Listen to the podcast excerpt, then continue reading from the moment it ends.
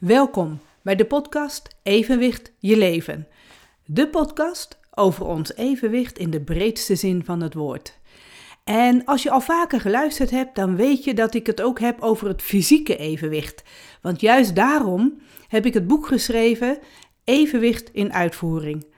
Omdat ik mijn eigen evenwicht heel graag wilde begrijpen en daar niet de informatie over kon vinden die ik nodig had om het te begrijpen, heb ik een paar jaar geleden bedacht van, dan ga ik dat boek zelf schrijven. En daar heb ik heel veel onderzoek naar gedaan. Dat heeft echt, dat is een heel schrijfproces geworden. Uh, dat heeft echt een paar jaar geduurd voordat ik het echt helemaal helder had. Om het duidelijk te verwoorden, om daar de juiste woorden aan te geven, zodat het een boek wordt wat door heel veel mensen gelezen kan worden en dat het ook begrepen kan worden. Dit is de podcast erover. Niet alleen over het fysieke evenwicht. Ik maak het zelfs veel breder, want ik ga het ook heel vaak hebben over het psychisch evenwicht. En deze aflevering, aflevering 5, achter mij heb ik het genoemd. Deze aflevering wil ik het hebben over, ja, eigenlijk wel de combinatie van fysiek en psychisch evenwicht. Want ik wil het met je hebben over dat ik op de fiets zit en ik heb er eerder over gesproken. Uh, in een andere podcast heb ik het uitgebreid gehad over uh, wat fietsen precies is, waar je rekening mee kan houden, wat moeilijker wordt als je evenwichtsuitval hebt, uh, wat er in het fietsen moeilijker wordt. Helemaal op een gewone fiets, hè? want op een driewielfiets dan is dat weer op een hele andere manier fietsen. Maar heb je wel dat je niet zomaar kan omvallen, want je hebt dan, of een vierwielfiets zelfs, dan heb je veel meer uh, steun, veel meer dat je uh, in ieder geval niet omkiept, zomaar vanzelf.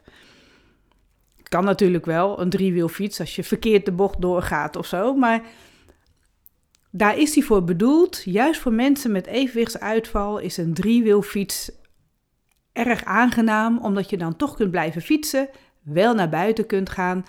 En uh, dat kan je enorm helpen om toch gewoon lekker te bewegen in de buitenlucht. Maar ik wil het hebben over. Ik heb nog een gewone fiets, wel een elektrische fiets. En daar heb ik al jarenlang twee spiegeltjes op. Twee kleine spiegeltjes, kleine ronde spiegeltjes. Want die hele grote senior spiegels die je wel eens ziet op uh, fietsen van oudere mensen. En nou hoor ik mijn kinderen al denken, ja mam, jij bent ook al oud. Maar dat is voor mij al jaren geleden dat ik die kleine spiegeltjes erop wilde. En niet die hele grote spiegels. Daar had ik een bewuste keuze, want ik wil niet helemaal zo erg opvallen. Uh, en ik dacht van met die kleine spiegeltjes kan ik genoeg zien. En daar heb ik jaren mee gefietst. Twee spiegeltjes, zodat ik alles achter op de fiets, achter mij, de hele wereld achter mij kan zien. En ja, dat is echt, dat, dat was heel fijn. Want dan kon ik al het achteropkomende verkeer kon ik aanzien komen. En dan wist ik ook dat er iemand op een gegeven moment langs mij zou komen. En dan hoefde ik niet te schrikken van nou ja, die brommer of die fiets of uh, een auto die langs kwam op een smal weggetje. Dan weet ik ook dat ik zelf echt aan de kant moet blijven als het op een smalle weg is. Dan moet ik zelf ook echt geconcentreerd blijven fietsen, dat ik niet zomaar even een zwiepen maak. Dus ik was daar enorm blij mee op het moment dat ik die twee spiegeltjes had. Alleen het waren zulke kleine spiegeltjes dat als ik wilde kijken, moest ik altijd een beetje uh, opzij, een beetje goed kijken van kijk ik wel goed in het spiegeltje, zie, zie ik het allemaal wel? Uh, het spiegeltje aan de linkerkant, die juist ook heel erg belangrijk is voor het achteropkomende verkeer, die kon ik niet meer goed vastmaken, die ging al steeds los. We hebben het geprobeerd weer op een andere manier vast te maken, ook zelfs bij de fietsen maken, maar elke keer bleef die toch wel weer naar beneden gaan. Ja, en ik ga niet met een, uh, met een uh, zo'n um, uh, sleuteltje dat ik dat elke keer vast moet draaien op het moment dat ik ga fietsen. Dat, dat doe je dan ook niet. Dus elke keer viel dat spiegeltje weer naar beneden en dan deed ik hem wel weer omhoog en dan bleef hij weer een tijdje goed staan. Toch niet heel erg handig als je aan het fietsen bent. Sowieso niet als je al met het evenwicht zit. Dan wil je gewoon je twee handen aan het stuur en gewoon recht voor je uit kunnen blijven kijken. Want opzij kijken is sowieso ook al lastig op de fiets als je evenwichtsuitval hebt. Maar daarom ook die spiegeltjes, want dan scheelt het. Dan heb je nog dat je en voor je kunt kijken en achter je kunt kijken. En dan had mijn man al veel vaker gezegd van, waarom koop je geen andere spiegels? En nou ja, pas geleden was het zover, ik moest mijn fiets, elektrische fiets, weer even voor een uh, onderhoudsbeurt naar de fietsenmaker brengen. En dan gaan ze alles weer uitmeten, gaan ze kijken of het allemaal goed is en uh, alles weer aandraaien wat nodig is. En daar heb ik ook meteen gezegd toen ik binnenkwam, ik wil andere spiegels. En toen hebben ze ook voor me gekeken, hadden ze niet in de winkel, hebben ze laten komen uit een andere winkel, hebben ze even besteld. En dat, zijn, eh, dat ik dus uh, weer kwam met mijn fiets om die spiegels erop te zetten. Nee, even nog anders. Ze hebben toen tijdens die onderhoudsbeurt die twee kleine spiegeltjes eraf gehaald. En, want ze wisten al, er komen andere spiegels op. En dat moesten ze ook sowieso, omdat ze bij al die bedrading moesten. En dat, uh, nou ja. Toen had hij al gezegd van ik heb ze er niet meer opgezet. Toen dacht ik, ja, het maakt niet uit. Ik kom morgen toch om die andere spiegels erop te zetten. Dus ik fiets weg zonder die twee spiegeltjes. En echt, ik weet niet wat me overkwam. Ik ben zo gewend aan die twee spiegeltjes dat ik achter me kan kijken. En ineens kon ik dat niet meer. Ik kon ineens niet meer achter me zien wat er gebeurde. Want die ze waren weg. Het was ook helemaal kaal daar op dat stuur. Je bent ook gewend dat daar twee van die uitsteekseltjes zitten. En ineens voelde ik me, me weer, en dat is weer dat psychisch evenwicht. Ineens voelde ik me weer even zo uh, uh, onveilig. Zo van, nou, nou moet ik het eigenlijk op mijn gehoor allemaal doen. Nou moet ik misschien toch een keer omdraaien om te kijken wat er aankomt. En ik vond het ineens zo spannend. En toen besefte ik ook hoe ik gewend al ben geraakt aan die spiegeltjes. Ook al moest ik af en toe goed kijken wat er achter me was, er was altijd beeld. Ik kon altijd in die spiegeltjes iets zien wat erachter gebeurde. En ineens was dat echt helemaal weg. Ik miste het enorm. Ik ben natuurlijk thuisgekomen en gelukkig ook veilig thuisgekomen.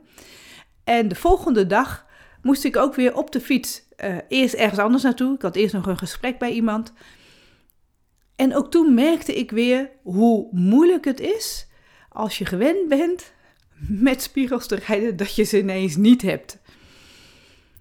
Ik ben daar wel naartoe gefietst, uh, heb het gesprek gehad en daarna meteen door naar de fietsenwinkel om dus die nieuwe spiegels op te halen. Dus ik rijd daar naar binnen en ze hebben keurig die uh, spiegels erop gezet. En toen zei die uh, fietsenmaker al van, uh, nou, dat zijn wel stoere spiegels en je hebt nu een stoere fiets. en dan moest ik wel heel erg om lachen. Want dat vond hij dan niet toen die andere spiegeltjes erop zaten. Nou, is wel zo dat jaren geleden toen ik die kleine spiegeltjes kocht, deze spiegels die ik nu heb, die waren er toen nog helemaal niet. Tenminste, die kon je niet zomaar in, in de fietsenwinkel kopen. En nu zijn er zoveel soorten van. Het is echt in een, in een sneltreinvaart, de laatste jaren is dat opgekomen dat mensen toch met spiegels gaan fietsen.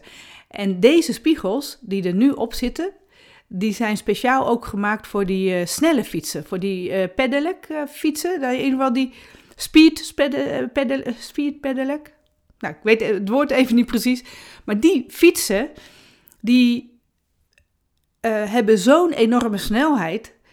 En ja, dat lijkt net eigenlijk als op een brommer of, of, of, een ander voertuig. Dan, dan is het ook heel fijn om achter je te weten wat er allemaal gebeurt.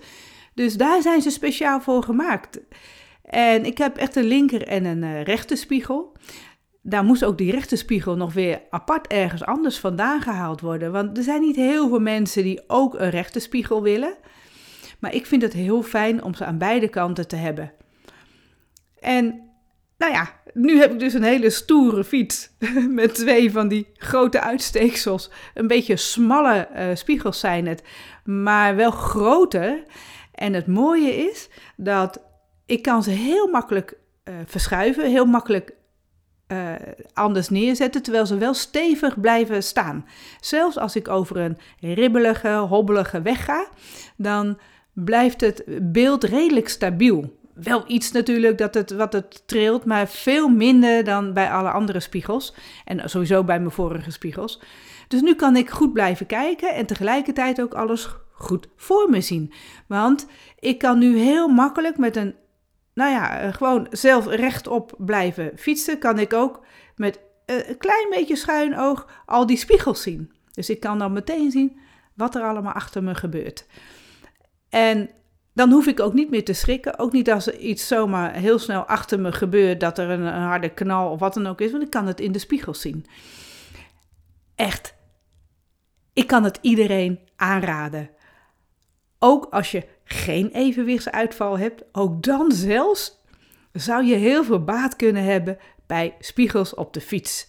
Wat heel normaal is bij een auto en bij een brommer, bij een motor, zou ook heel normaal kunnen worden dat je dat op een fiets ook hebt. Dus ik kan het iedereen sowieso met evenwichtsuitval die toch nog kan blijven fietsen aanraden om, om spiegels aan te schaffen. En ja, eigenlijk voor al die andere mensen die fietsen ook. Het is een veel veiliger gevoel, geeft het je. En uh, ik draag dan nog net geen helm, maar ik denk dat dat de volgende stap gaat worden.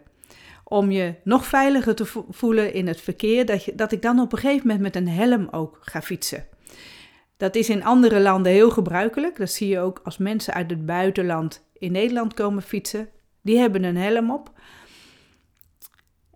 En wij, wij willen dat nog niet. Wij fietsen natuurlijk ook zo vaak dat je niet zo snel een helm opdoet.